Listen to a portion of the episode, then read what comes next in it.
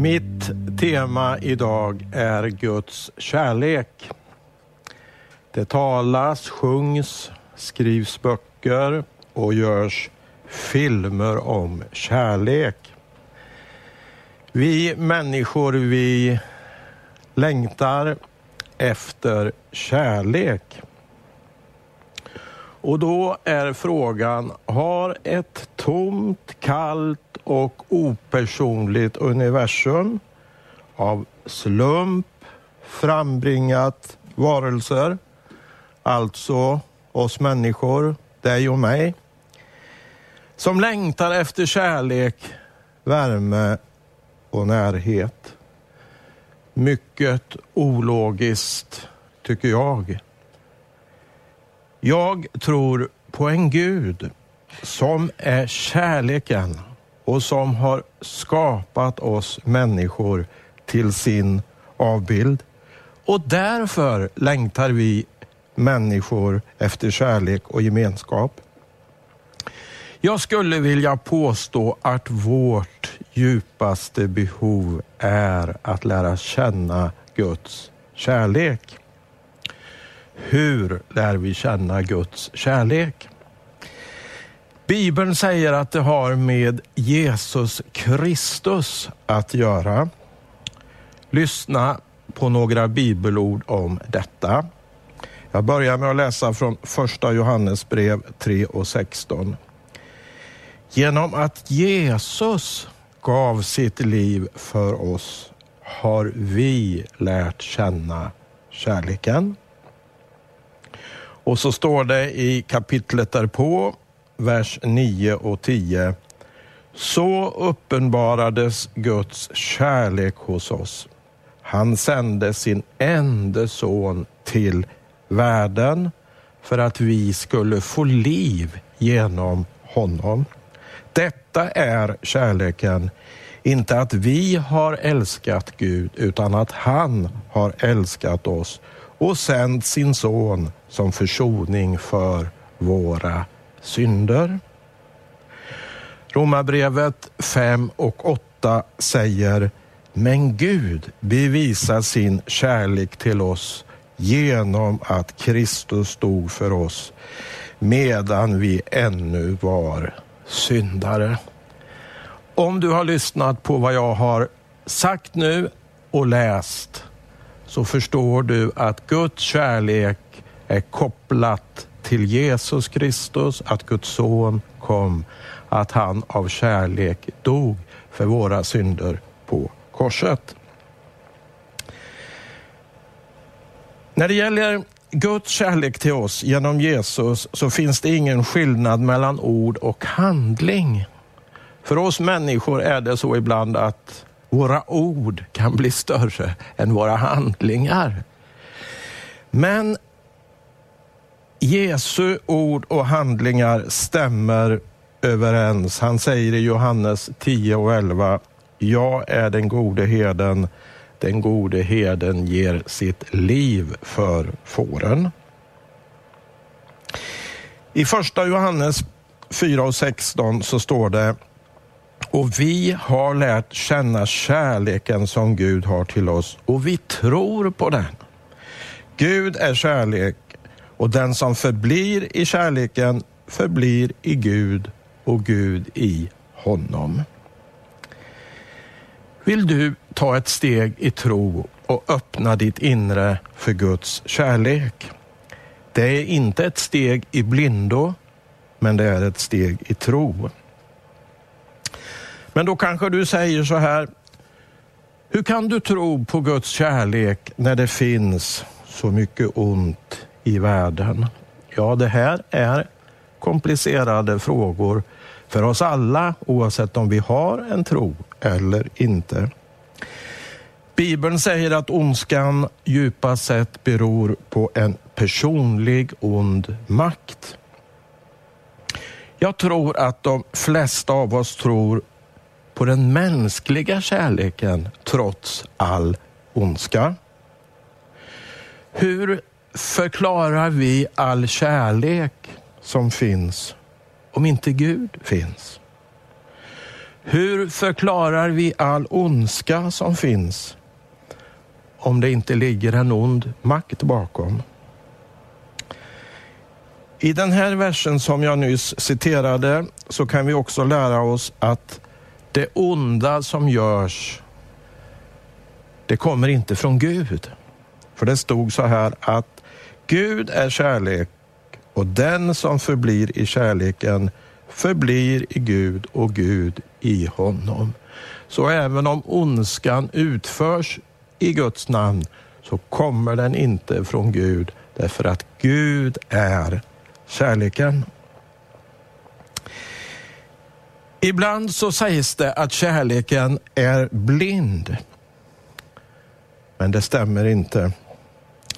Då skulle ju Gud vara blind. Han är kärleken. Men det är ingen som ser så bra som Gud gör. Däremot kan den mänskliga förälskelsen vara blind. Man ser allt i ett rosa skimmer. Men den äkta kärleken ser verkligheten men älskar ändå. Så är det med Gud. När två personer vill leva sina liv tillsammans så behöver båda säga sitt ja. Med andra ord, de måste våga tro på kärleken och säga sitt ja. För att det ska bli en levande och kärleksfull relation måste båda bejaka den. Det räcker inte med att den ena säger ja och den andra säger nej eller jag vet inte. Jag vet inte kan ju kanske vara okej okay till en tid, men det måste ändå komma ett ja från hjärtat. Och det börjar väl oftast med ett litet ja när det handlar om två människor. Kanske det är så här. Den ene frågar den andra, ska vi ta en fika ihop? Ja. Och så fortsätter det med att man bejakar varandra och säger ja till varandra. Och en dag så är det vigsel och då säger man sitt stora ja som påverkar hela livet och inriktningen. Första Korinthierbrevet 1 och 20 säger, ty alla Guds löften har fått sitt ja genom honom. Allt det positiva Bibeln säger, allt som Gud lovar oss, det har sitt ja genom Jesus. Därför säger vi också genom honom vårt amen, Gud till ära. Alltså vi bejakar det. Jesus är Guds stora ja till oss. Han har sagt, jag älskar dig, jag älskar er. Han tvekar inte på sin kärlek till oss. Med evig kärlek har jag älskat dig. Därför har jag så länge bevisat din, dig godhet, står det i Jeremia 31 och 3. Och nu undrar jag, vill du bekräfta din kärlek till Jesus och säga ditt stora ja till honom. Du har förmodligen börjat säga små ja till Jesus. Ett litet ja kanske är att du har valt att titta på den här gudstjänsten. Be en hjärtats bön till Jesus och berätta att du från och med nu säger ditt stora ja till honom. När vi väl har lärt känna Guds kärlek så är den stora frågan, hur fortsätter vi att leva i Guds kärlek och hur fördjupas vi i den? Judas uppmanar oss i sitt brev och i vers 21. Håll er kvar i Guds kärlek och se fram emot att vår Herre Jesus Kristus skall förbarma sig och ge er evigt liv. Håll er kvar i Guds kärlek. Inte som en prestation, men som en relation som man vårdar. I Lukas 15 kan vi läsa om fadern med de två sönerna. Pappan älskade sina pojkar och ville dem det bästa. Men istället för att leva kvar i sin pappas gemenskap, närhet och kärlek så vandrade den yngre sonen bort från faderns kärlek, men också från närheten till sin bror, till familjen. Den yngste sonen tappade intresset för relationen med fadern och fick sitt fokus på pappas materiella tillgångar. Han sa, Lukas 15 och 12, Far, ge mig den del av förmögenheten som skall bli min. Det som han alltså skulle fått som arv när pappan dog, med andra ord, jag orkar inte vänta på att du ska dö. Jag vill ha det nu. Pappan gick sin son till mötes och skiftade egendomen mellan sönerna. Lukas 15 och 13 berättar några dagar senare hade den yngste sonen sålt allt han ägde och gav sig iväg till ett främmande land. Och där slösade han bort sin förmögenhet på ett liv i utsvävningar. Alltså det goda som han fick av sin pappa använde han på ett själviskt sätt och slösade bort det i ett främmande land på ett liv i utsvävningar. När han hade nått botten och det var kaos så står det att han kom till besinning och sa, Lukas 15 och 18, jag ger mig av hem till min far och säger till honom, Far, jag har syndat mot himlen och mot dig. Låt mig få gå som en av dina daglönare. Han ville närma sig pappan och hemmet, men han hade förlorat tron på barnaskapets möjlighet och verklighet. Men nu insåg han i sin livskris vilken livskvalitet som han hade haft nära fadern och bara det att få jobba hos pappan och befinna sig i hemmiljön skulle vara en dröm.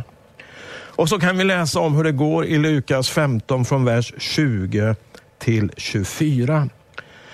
Och han gav sig av hem till sin far. Redan på långt håll fick fadern syn på honom. Han fylldes av medlidande och sprang emot honom, och omfamnade och kysste honom. Sonen sa, Far, jag har syndat mot himlen och mot dig. Jag är inte längre värd att kallas din son.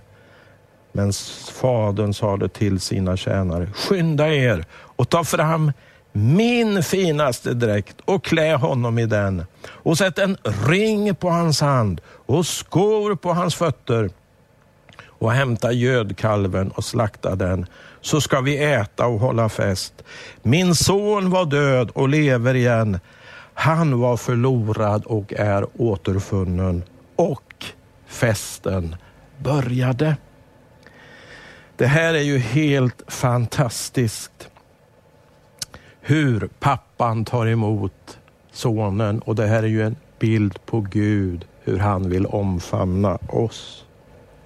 Och jag skulle vilja säga så här, om du nu tittar och lyssnar så vill jag rekommendera dig som du anser att det har gått snett, du fick fel fokus, du gick bort från Guds närhet och du använde Guds gåvor och välsignelser på ett själviskt sätt.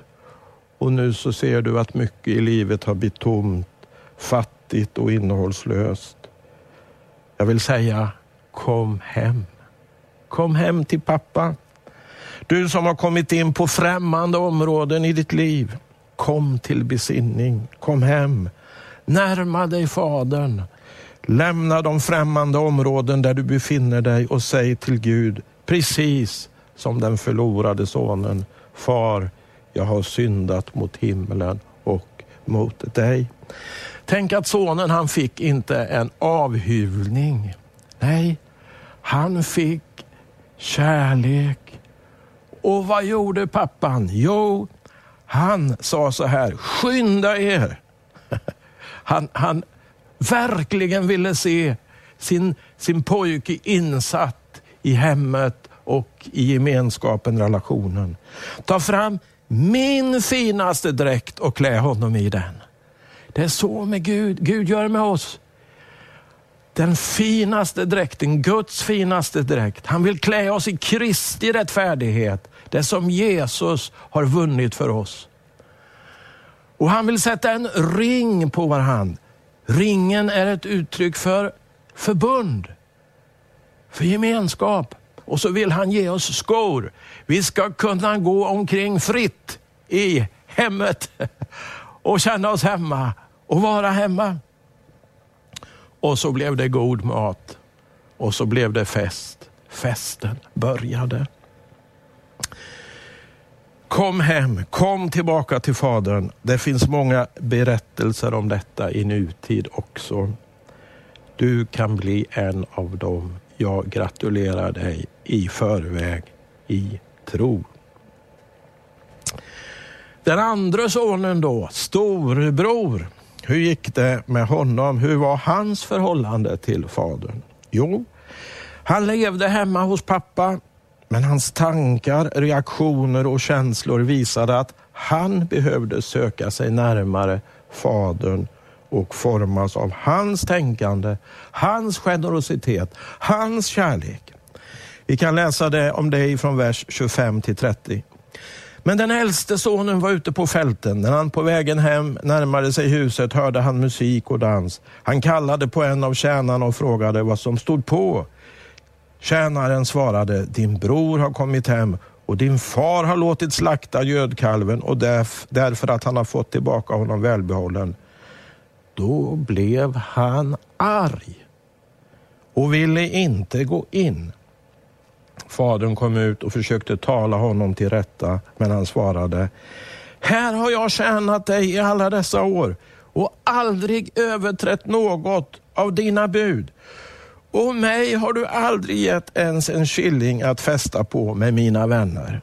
Men när han kommer hem, din son, som har levt upp sin egendom tillsammans med horor, då slaktar du gödkalven.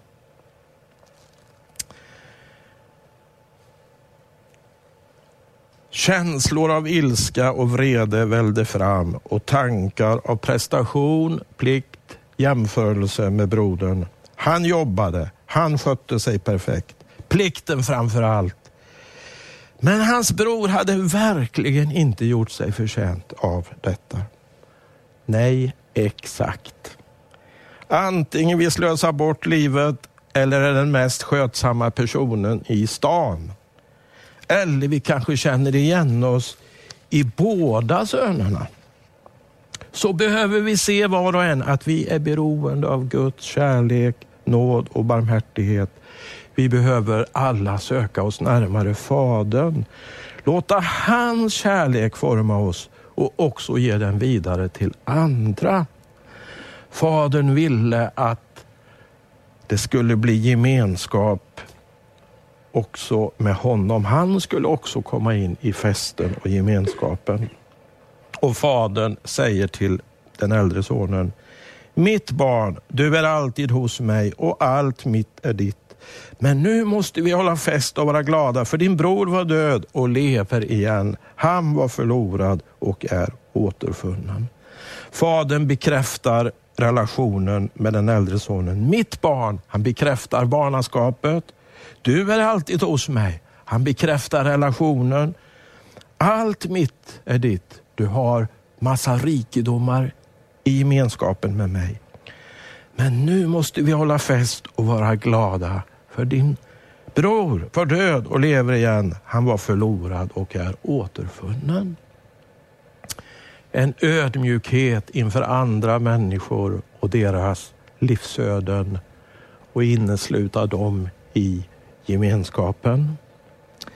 Gud vill skapa en ödmjukhet i oss. Det är någon som har sagt så här, ödmjukhet är inte att tänka mindre om sig själv.